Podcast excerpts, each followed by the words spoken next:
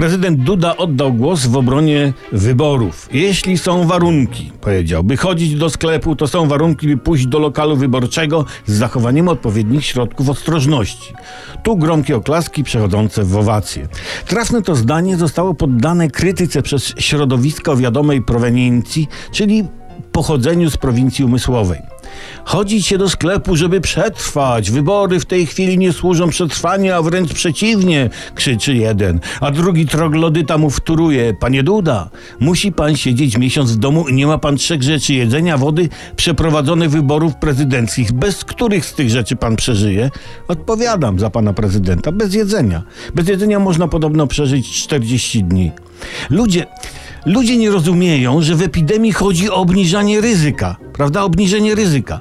Wybory podczas epidemii obniżają ryzyko wyboru kogo innego niż prezydent Duda. Ale ja widzę światełko kompromisu. Widzę.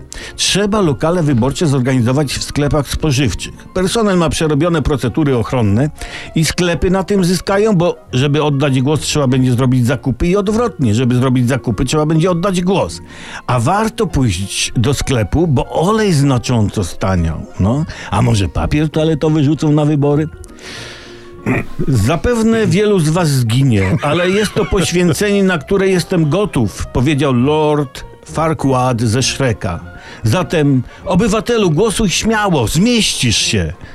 Jeśli można żyć, można też i umrzeć.